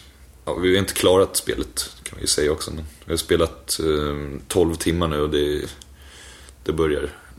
Upplösningen är på gång. Eller vad Ja, definitivt. Men det är lite fail. Vi, vi, vi misslyckades alltså med uppdraget att klara det här spelet till idag. Men, men som sagt, vi... Det var lite en trade-off här. Om vi skulle spela klart det så hade vi nog inte hunnit spela in idag. Men, men det är vi bra nära slutet ändå. Men... Ja, det var nog lite längre än vad jag trodde. Jag hade läst, eller du hade läst någonstans att det skulle vara typ åtta timmar. Det kanske är vi som i och för sig är långsamma. Men... Ja men det är också en, en del av anledning, en av anledningarna till att vi att det tagit så lång tid är förmodligen att man inte Ibland är det svårt att veta vart man ska. Man irrar Ja. omkring så här, "Jaha, men vad fan, var ska jag hämta de där grejerna? Eller liksom, var, var ska jag nu? Man har ingen aning. Det är väldigt klassiskt om vi säger den äldre generationens spel och väl japanska spel. Just det där, den här backtrackingen att okej, nu måste jag gå runt och leta i alla rum där jag varit tidigare för någonting nytt har hänt någonstans typ. Den där grejen. Ja, det är ju inte så intuitivt liksom. Utan det är, Så det är ganska få ändå olika så att säga områden som, man, som finns. Så man, det är mycket åter, återanvändning av gamla. Sen ser ju det mesta Det mesta ser ganska likt ut också. Det är liksom Ja. samma liknande hus och samma miljöer inne i husen också. Rummen ser... Ja, det är liksom tatami-mattor och som sagt... Ehm, interiören är ju väldigt lik i varenda hus. Och det, så det, en av bra grejerna med kartan som man har är att du får en liten bild av rummet högst upp på... När du kollar på ett rum i kartan så är det en liten bild av rummet. Så det kan du ha lite nytta av. Men eh, annars är det lite för mycket sådär tycker jag att när man inte vet vad man ska göra, det, det är alltid jobbigt i sådana här spel. Man måste springa omkring bara fram och tillbaka. Så Det kan bli ganska...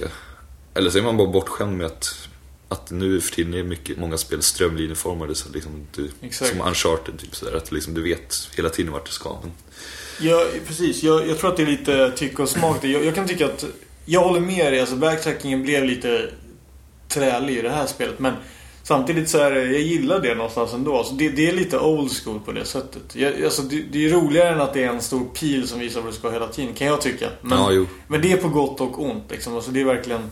Ja, det är både och. Det beror på... Ja, jag tycker att det hade varit schysst om man hade någon liten mar- mer markörer i rummen, liksom vad som fanns i det rummet. Eller typ så här att här fanns det på kartan att det står lite grann vad som finns där. Även om, inte kanske vart du ska, men just ja, här låg den här grejen och här fanns de här dockorna som du ska titta på.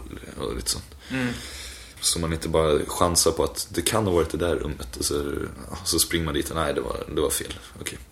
Det är ju det som blir problemet i den här typen av spel. Precis, verkligen att då måste kartan vara väldigt bra. Liksom. Ja, och just det här att man, är, man har sin tvillingsyster med sig kan bli lite jobbigt ibland också för helt plötsligt så säger bara, ah, nu har jag ont i benet. Så jaha, okej. Säger hon och så, bara, så måste hon lägga sig och vila någonstans. Man behöver, behöver inte stå och vänta där men hon gör liksom ingen, Åh, shit, hon gör ingen nytta. Det hade varit kul om de kunde använt den mekaniken just att man är två stycken och använder det på något fundigt, fyndigt sätt. Mm. Det finns något ställe där man ska kliva på två olika såna här plattor för att öppna en dörr eller någonting. Men det är, det är ungefär det. Det. Så mycket hon gör. Annars är det bara eh, någon sorts escort-uppdrag. Lite grann. Ja, det hade man kunnat gjort något roligare av. Det där hade de verkligen... Just eftersom det handlar om tvillingar, att de hade kunnat gjort mycket mer med den grejen. Man hade kunnat spela två personer till exempel, eller något sånt. Ja, det hade varit coolt. Jag vet inte, på det stora hela tyckte jag att det var... Själva känslan och stämningen gör ju att det här blir ett... Ändå skön, liksom, en skön skräckupplevelse eller så. Mm. Jag tänkte på en grej till som jag ville nämna bara också innan vi avrundar. Det är att eh, det är en ganska rolig eh, grej med det här spelet också. Att det är designen, alltså han... Eh, så jag tror han heter Keisuke Kikuchi. Eh, han, han har ju uttalat sig i intervjuer kring den här serien och, och säger själv att... Alltså det, det var rykten om i alla fall att första spelet byggde på verkliga händelser. Eh, jag läste på lite på Wikipedia. Det, det, det verkar som att det inte var uttalat utan det var mer en tagline utanför Japan tydligen.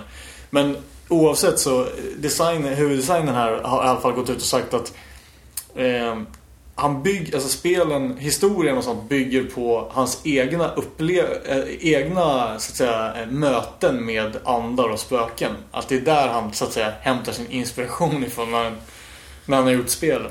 Ja, okej. Det är lite skillnad från Shigeru Miyamoto så här, som sprang runt, kröp runt i små grottor och typ så Ja. plockade grejer. Precis. Ja. Det är ganska skönt, skönt uttalande och liksom, liksom roligt. Mm. Ehm, ja, men det finns ju mycket anteckningar och sånt att läsa i, i det här spelet också. Men det är inte... Och det är mycket också japansk skräckkultur. Eller just uh, dockor utan huvuden och lite, ja, lite allt möjligt sånt här som skrämmer en.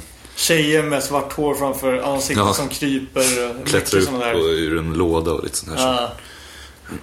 Men eh, vad skulle du säga om, om hur läskigt var det då? Folk som inte klarar av skräck och, och så, ska de spela det här spelet?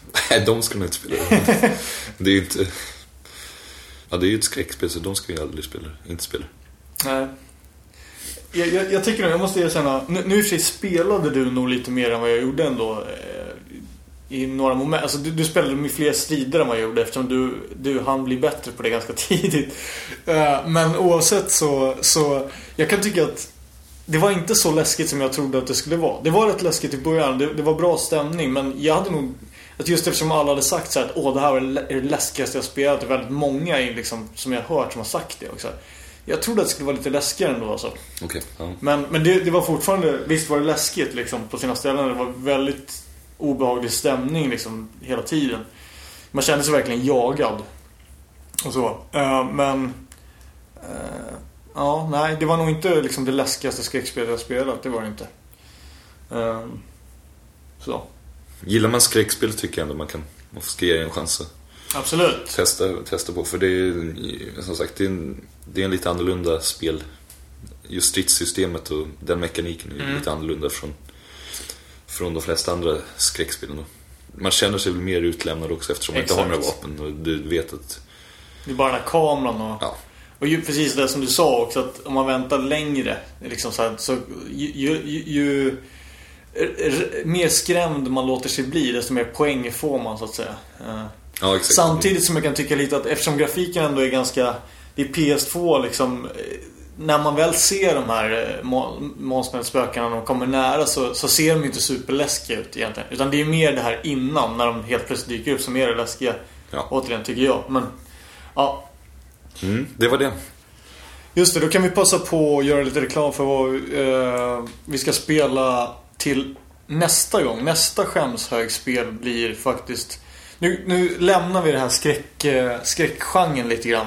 Eh, och går in på en lite mer av ett retrospel. En retroklassiker faktiskt. Eh, Hideo Kojimas Snatcher. Det är så vitt jag vet hans andra spel någonsin som han gjorde. Eh, 88 kom det. 1988, precis. Metal Gear 1 kom 87 om jag inte minns fel. Yes. Men det är, det är ett spel som man definitivt ska ha spelat. Det har fått mycket buzz. Men det är inte så många kanske som har spelat ändå eftersom det kom till Mega-CD. Men vi tänkte spela igenom det till nästa, nästa insnöad.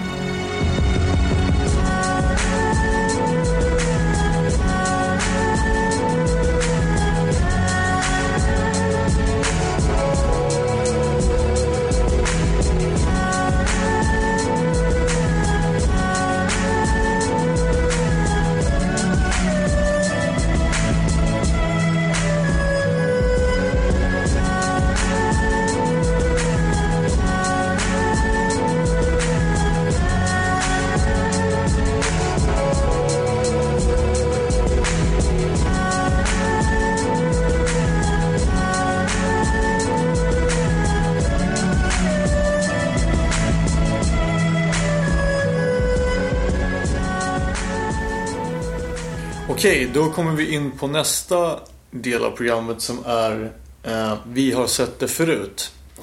Och idag så har vi valt att plocka upp egentligen en gammal klassiker i, i serievärlden eh, som heter The Books of Magic som skrevs av eh, Neil Gaiman som idag kanske är ännu mer känd för hans böcker än, än serietidningar. Men han har ju bland annat gjort den här klassiska, eller skrivit den klassiska Sandman-serien eh, från 80-talet. Eh, Det är DC. eller? DC, precis. DC Vertigo. Den line som vi snackade om förra gången också.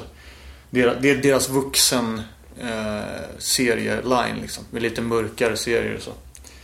Alltså alla fans av den här serien vet, eller har diskuterat mycket huruvida eh, J.K. Rowling eh, liksom har kopierat den, Timothy Hunter som är huvudpersonen i, i The Books of Magic.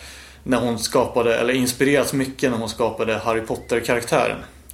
Eh, Det har varit mycket, eh, vad heter det? Nerd hate eller liksom nörd... nerd rage heter det. Rage. Kring det här i alla fall. Jag tänkte vi skulle lyfta upp det lite grann idag. Vi har ju läst serien och... eh, Jag har inte läst allt. Jag har läst det fyra böcker eller vad man ska säga, Books of Magic. Mm. Jag har läst, jag har läst två. Men man får Eh. ändå en bild av, av karaktären Timothy Hunter. Yes.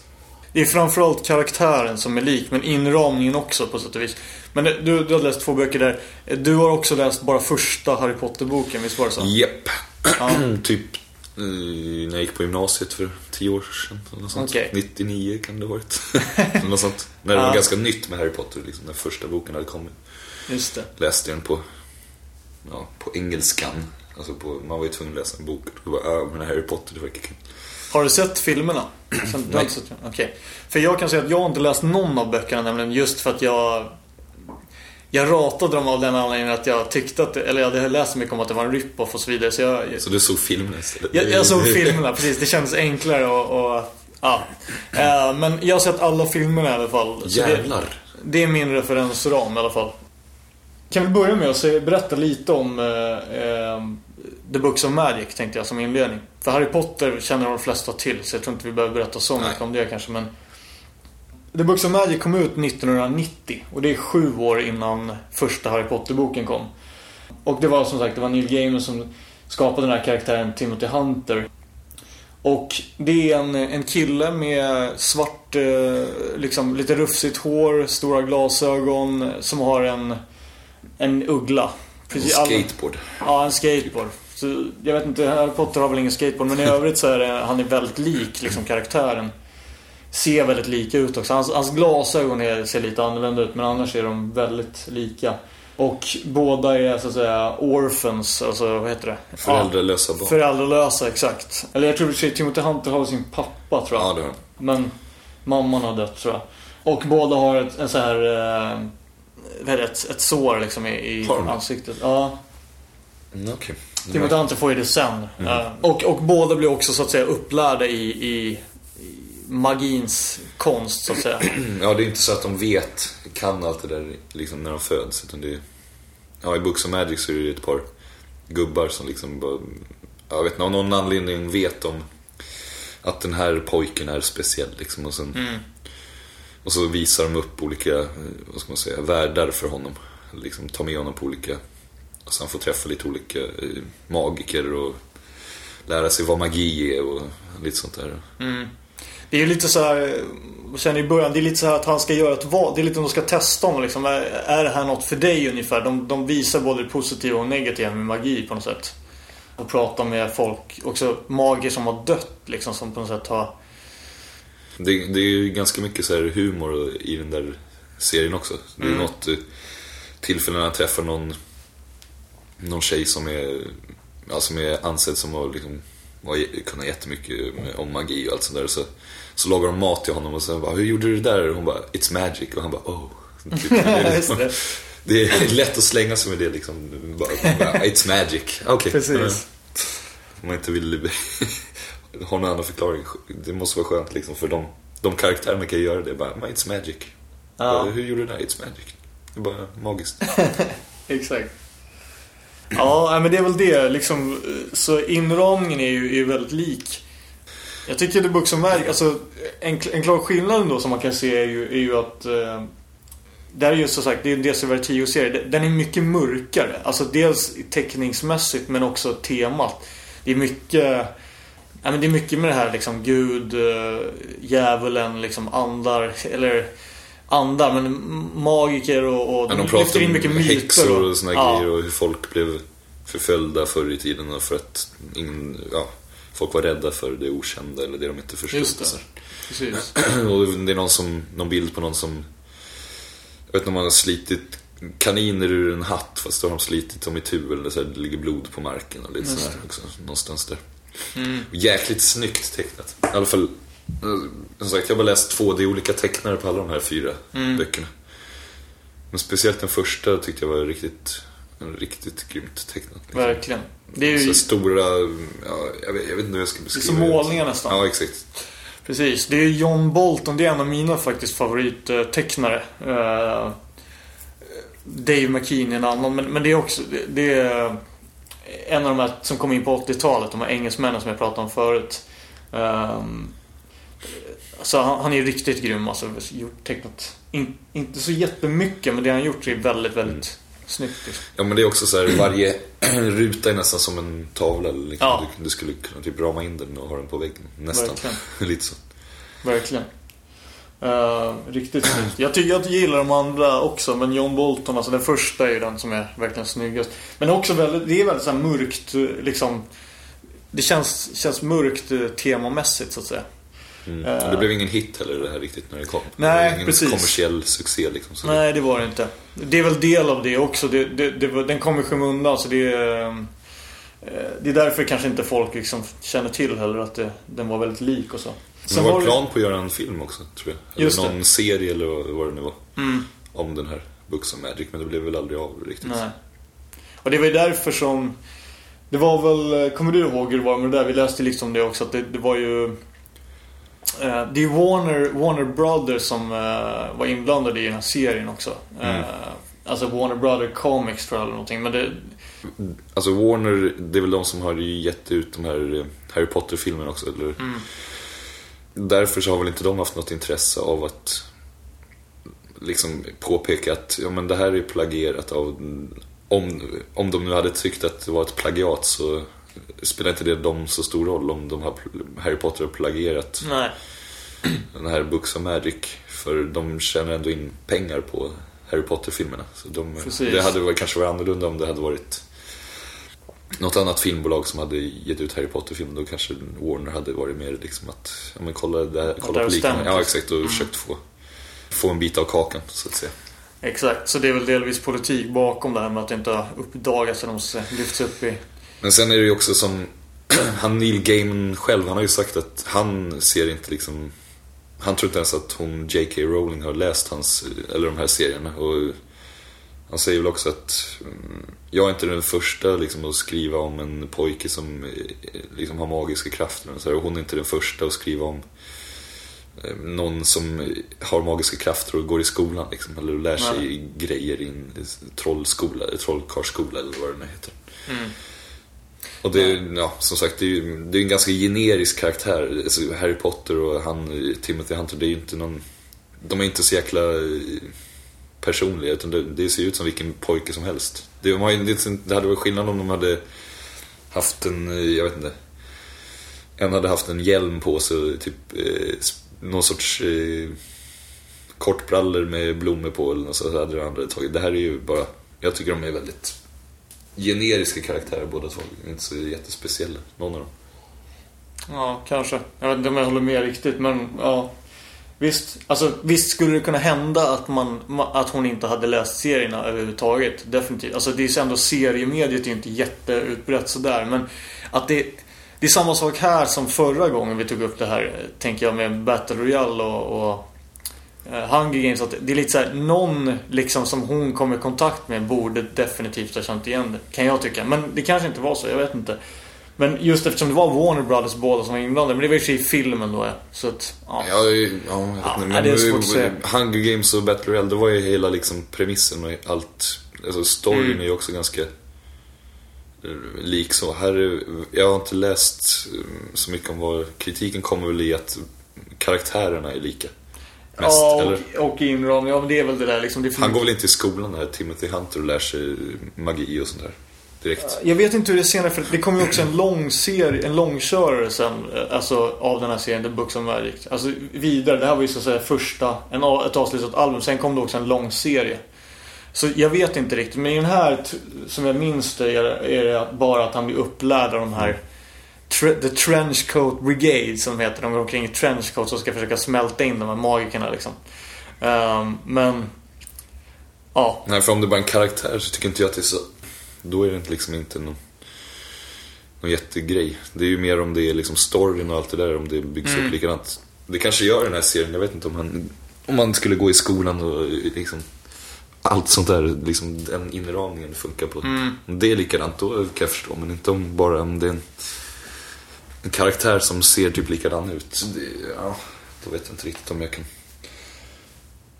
Mm, Se det som ett plagiat sådär. Pla plagiat kanske är att, dra det för långt men, men det finns definitivt likheter. Men sen det där med att Neil Gaiman sa sådär också. Jag vill bara säga det att Neil Gaiman är, min uppfattning av honom är att han är en väldigt schysst kille. Han skulle aldrig gå ut och säga sådär liksom. Alltså det känns inte som den här klassiska giriga typen som skulle stämma för en sån grej heller. Utan mer...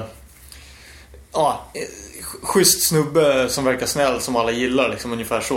Och ja, Han skulle väl aldrig ge sig på någon sådär liksom om inte den hade chans att försvara sig heller. Det, det är min uppfattning av honom men jag vet inte om den stämmer. Men jag tror att det kan väl också delvis vara det. Men man vet inte. Men det finns definitivt likheter kan jag tycka i alla fall. Eller det gör det mellan karaktärerna och så. Sen så som du säger. själv- Sen har ju hon så att säga gjort något eget. Oavsett om hon, om hon har plagierat karaktären eller inte så har hon gjort en egen historia. Så är det. Jo. Men ändå, jag tycker att det är värt att lyfta upp den här serien ändå som, för att den är ju ändå, Ja, den är ju läsvärd så också. Ja. också liksom på det. ja men definitivt. En annan grej som jag tänker på bara med The Books of Magic, det är ju att det är kul att läsa. Det är så här med många DC Vertigo eller DC-serier också att det är lite crossover sådär. Eh, och här är det ju, det är många, John Constantine till exempel, den här karaktären från Hellblazer, en annan riktig långkörare från DC Vertigo är ju han dyker ju upp som, han är en av de här som, som visar Timothy Hunter magins värld liksom. Eh, så han är ju en huvudperson i sin egen serie men dyker upp här så att säga. Och det är flera andra, Mr. E och...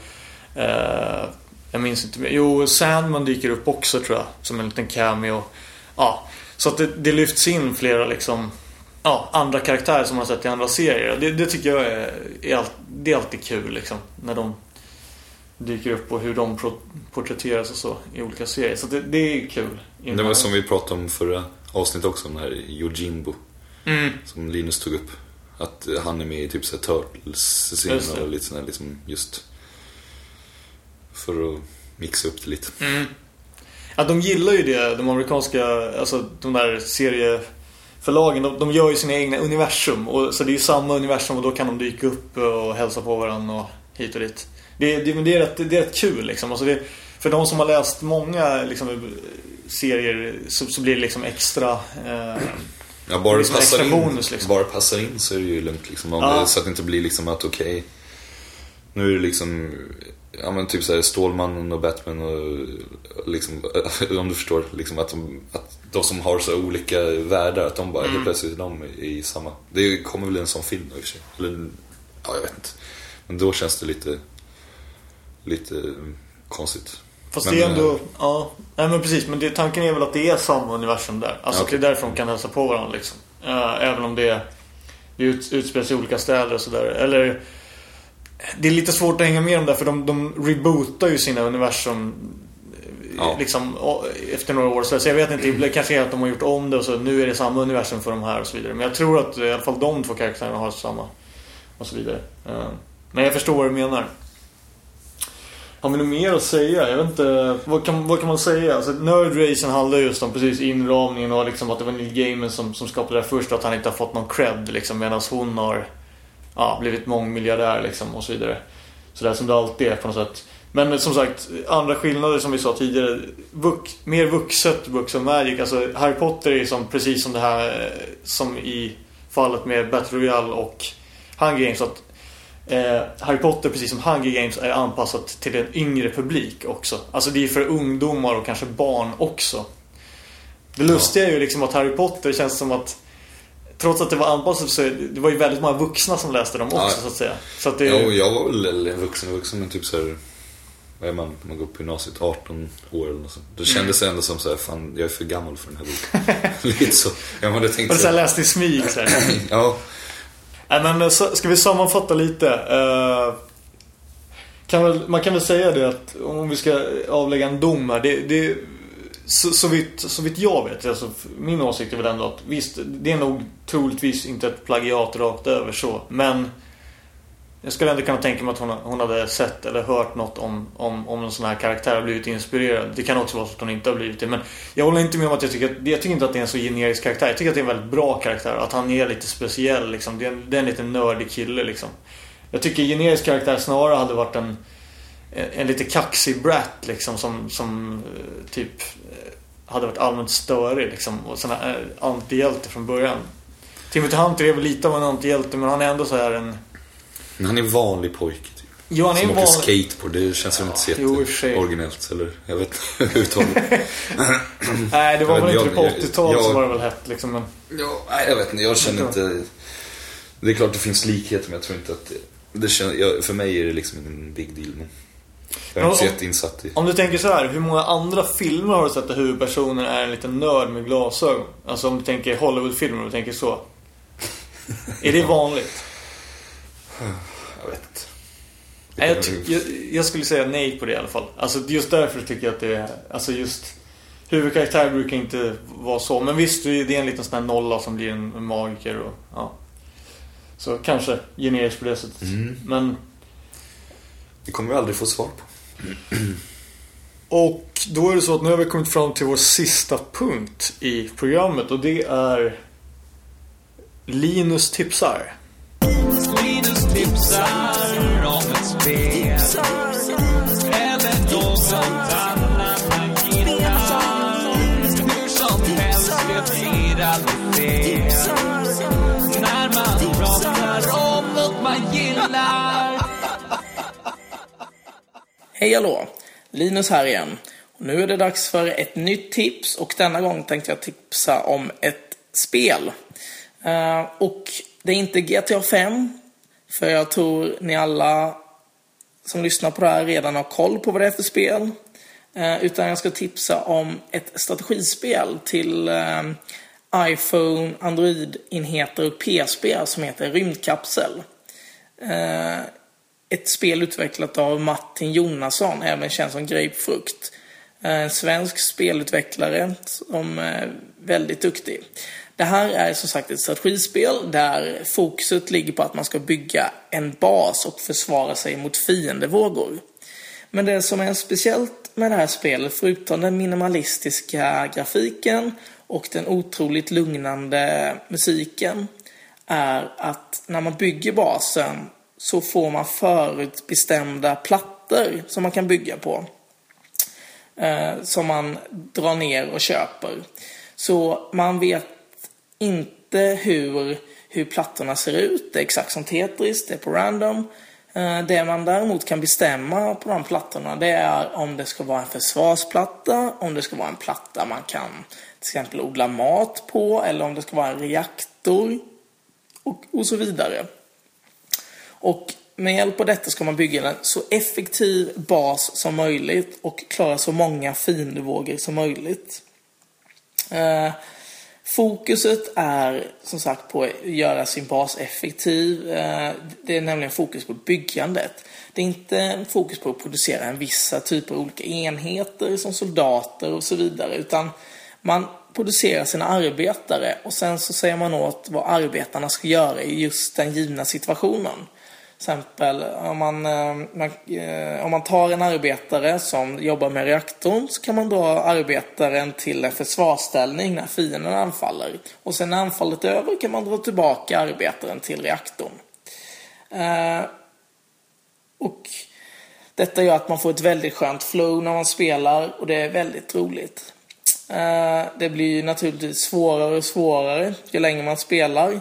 Eh, Och man har ett par eh, kan man kalla huvuduppdrag i det här spelet. Som att man ska klara 28 vågor, man ska efterforska eh, alla teknologier och så vidare. Eh, och jag skulle nog kunna tippa på, eh, när man köper det här spelet får man 4 till 6 timmars speltid. Och med det sagt så måste jag också säga att det är väldigt bra speltid. Det är ett Eh, väldigt bra spel. Det är roligt att spela, det är spännande och man känner verkligen att man är bättre och bättre och man kommer längre och längre hela tiden.